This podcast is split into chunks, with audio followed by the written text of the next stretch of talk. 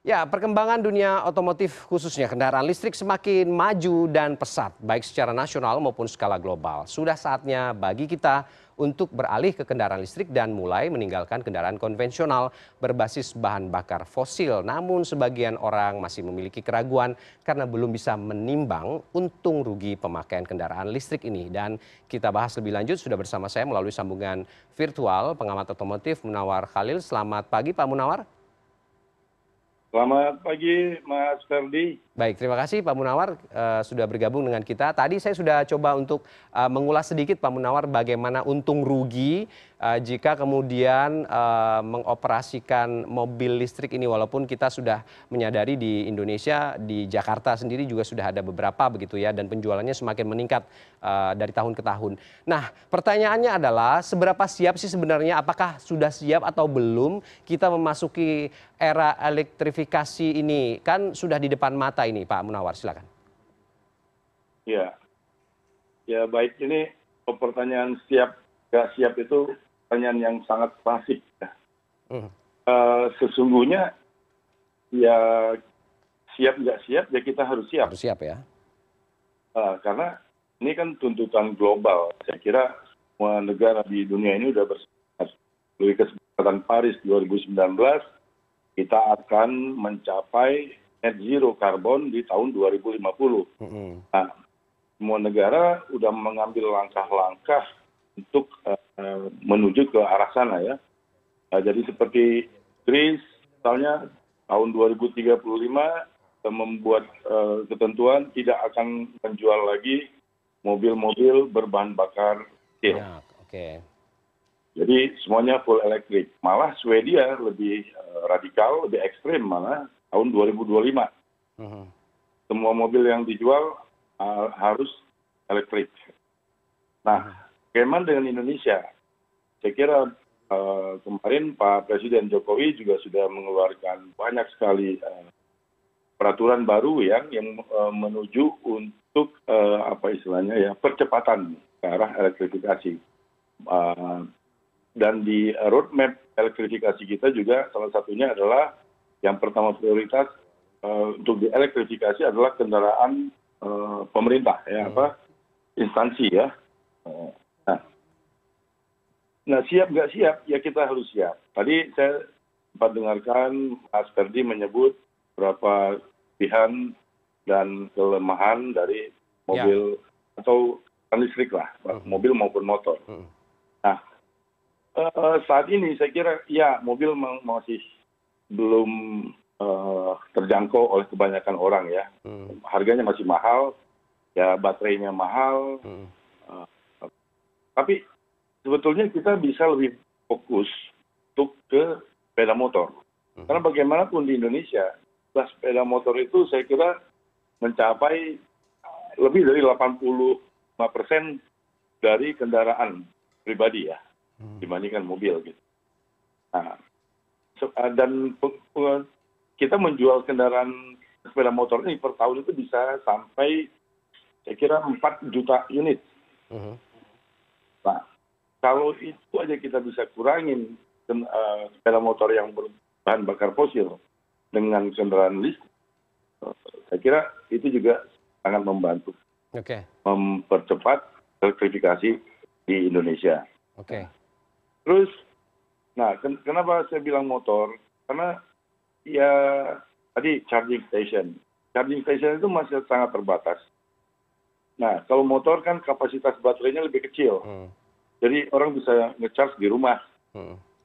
nah, mungkin juga tanpa perlu menambah daya. Kalau punya mobil listrik dengan sendirinya kita harus tambah daya. Hmm. karena kalau pakai daya yang ada nggak cukup ya kita harus cabut semua itu kulkas dan lain-lain ya. Hmm. rata-rata orang misalnya berapa? 1.500 kalaupun tidak ya itu sangat lama. Nah ini menimbulkan hambatan baru kan buat orang nggak praktis gitu. Ya. jadi motor saya kira lebih masuk akal. Okay. nah yang kedua juga ini menyangkut dengan uh, apa ya kenapa orang enggan untuk migrasi ke mobil listrik saat ini adalah atau kendaraan listrik pada umumnya adalah menyangkut soal range anxiety. Mm-hmm. orang takut ini cadangan daya baterai saya ini nyampe nggak? Ya. Kalau keluar kota yang ada di rest area jalan tol misalnya. Nah, dan ini nggak nggak tidak praktis gitu. Kalau baterai saya udah tinggal 10 persen, berhenti ngecharge berapa jam. Ya. Sementara kalau pakai mobil bensin, tinggal nyari pom bensin di cuma lima menit, mungkin 10 menit, langsung jalan lagi. Mhm. Jadi orang masih mempertimbangkan itu juga sisi kepraktisan dan jarak tempuh gitu. Oke. Kalau dengan bensin atau solar atau diesel kan nggak ada batas. Ya. Di setiap titik, setiap berapa kilometer kita ketemu pom bensin. Nah, tapi memang masyarakat harus didorong ke arah elektrifikasi ini. Jadi ini di sini peran pemerintah kan hanya memberi insentif menurut saya Mhm. dengan pajak yang lebih murah, ganjil genap, yang lain dan lain-lain. Ya. Tapi juga bagaimana maksa industri dalam tanda petik memaksa ya Mas ya Mhm. dengan membuat aturan dan lain-lain yang memaksa industri untuk satu selain menjual kendaraan listrik mereka juga berinvestasi di charging station Ya. gitu loh. Nah, dan bagaimana caranya bisa memproduksi mobil-mobil listrik yang lebih murah. Mhm. Kemarin Wuling saya kira sudah memberi contoh yang baik. Di saat yang lain masih menjual dengan harga 800 Ya. sampai 900 juta, dia bisa kok menjual 300 juta, di bawah 300 juta malah. Mhm. Nah, memang tempuhnya lebih pendek, Ya. ya mobilnya juga kecil. Tapi itu saya kira perusahaan yang berani. Karena ya mungkin awal-awal ini sebaiknya memang untuk city car gitu. Mhm. Ya jarak kan rata-rata orang ya kita ambil contoh kota besar seperti Jakarta. Sehari berapa kilo sih kita jalan Ya. dari rumah ke kantor, mungkin mampir ke mall makan siang atau ke mana? Nah, 50-60 kilo. Oke. Jadi kalau dengan jarak tempuh 150 kilo sekali pengi- untuk sekali pengisian daya, saya kira bisa untuk tiga hari kan. Mhm. Oke. Nah, jadi itu yang saya bilang. Jadi karena caranya pemerintah juga harus bisa mendorong uh, pabrikan untuk mulai memberikan kuota Mhm. seperti di negara-negara lain. Misalnya dari secara bertahap ya, tahun depan misalnya eh, satu persen dari total penjualan mereka wajib mobil listrik. Terus dinaikkan secara bertahap Oke. sampai kita pada waktunya nanti seperti di negara-negara Eropa kita hanya akan jual mobil listrik.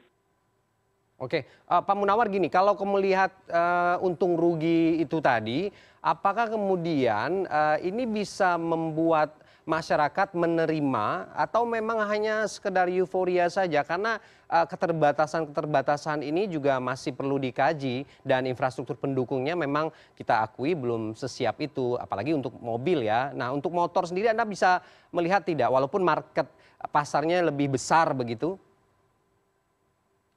Ya itu tadi kalau eh, pemerintah tidak proaktif mendorong kan tadi yang saya sebutkan ya baik insentif maupun eh, eh, mem- mem- apa ya mempercepat dan memaksa sedikit memaksa pabrikan untuk menjual mo- motor listrik semua orang cenderung mencari cara yang mudah dan praktis Mhm. ya jadi memang untuk pindah ke sana itu memang sedikit harus dipaksa Hmm. karena kalau enggak kalau dibiarkan eh, eh, eh, orang bisa memilih dengan sendirinya semua orang akan memilih cara yang praktis Mhm. Yang bisa isi bensin saat ya tidak takut eh, ke- kehabisan eh, daya baterai gitu. Nah jadi mau nggak mau ini ya memang harus terlibat. Karena Mhm. negara lain juga melakukan yang sama.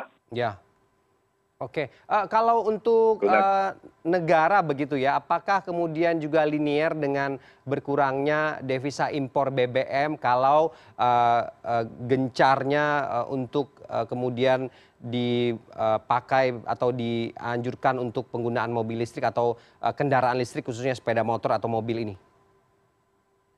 ya itu otomatis ketika penggunaan BBM fosil berkurang ya kita juga nggak perlu banyak impor lagi dong. Hmm, ya nah kenapa saya tadi dari awal dorong supaya uh, kita prioritaskan ke sepeda motor? Karena populasinya paling banyak. Uh-huh. yang kedua uh, baterai motor itu kecil. Jadi mungkin ada yang bisa sistemnya uh, portable. Jadi kalau orang berangkat dari kantor misalnya uh, dari rumah ke kantor sampai di kantor dia bisa cabut baterainya dia bisa charge di kantornya. Oke. okay. Ya seperti kita zaman dulu uh, sebelum uh, eh, awal eh, sorry di era era era awal smartphone uh-huh. kita ke mana-mana bawa baterai cadangan ya uh-huh.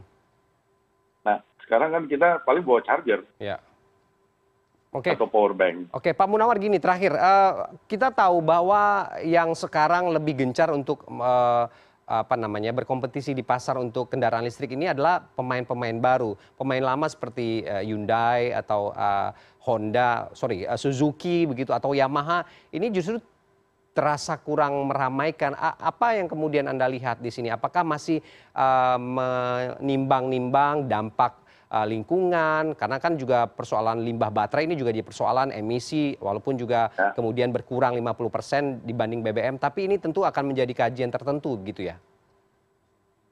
Buat saya ini simple ya.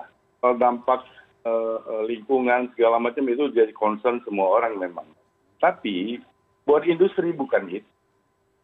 Buat bisnis, buat industri, ya semua bisnis kan mencari profit. -huh kalau bisa mendapatkan profit dengan cara gampang kenapa saya harus mencari profit dengan cara yang susah oke kalau harus menjual mobil listrik artinya harus investasi lagi untuk bikin uh, mobil listrik yang sangat berbeda dengan mobil konvensional yang sekarang saya bikin kan begitu. Uh-huh. Nah itu makanya tadi saya bilang pemerintah harus turun untuk sedikit memaksa industri supaya mereka memproduksi mobil listrik. Ya dengan insentif ya. dengan aturan gitu. Nah, jadi eh, kalau enggak ya itu tadi hmm. namanya prinsip bisnis. Ya saya suka kalau bisa mencari uang cari margin dengan cara yang mudah kenapa juga saya harus uh, mencari jalan dengan cara yang susah? Oke perlu didorong lebih uh, kuat begitu ya karena kalau di Asia Vietnam Betul. juga lebih maju ya dibanding uh, Indonesia untuk uh, mobil listrik malah dia di posisi nomor satu ya untuk kemudian menggalakkan penggunaan Betul. mobil listrik ini. Nah ini yang ini ini juga nggak lepas dari sebetulnya dominasi industri otomotif global okay. yang sudah 100 tahun saya kira ya Eropa, Amerika bahkan Jepang. Okay. Makanya sekarang pemain listrik nomor satu di dunia kan dari China. Uh mhm. Karena China mendobrak itu dan mereka memberikan alternatif yang lebih ramah lingkungan, lebih lebih lebih uh, uh, uh, selain buat lingkungan ya, juga lebih ekonomis. Produk-produk China bisa dijual lebih murah. Oke. Okay. Ini harusnya bisa membuat industri secara umum tertantang, -huh. ya, okay. berpacu menghasilkan produk-produk terbaik yang terjangkau, yang affordable, dan uh, ramah lingkungan. Oke, baik. Kita tunggu bagaimana gebrakan itu uh, bicara untung rugi, uh, bagaimana memaksimalkan untung dan juga meminimalisir uh, kerugian atau dampak-dampak dari uh, kendaraan listrik yang uh, sedang uh, digalakan untuk Indonesia secara khusus. Terima kasih, Mas uh, Munawar Khalil, pengamat otomotif sudah bergabung dengan kita pagi ini. Terima kasih.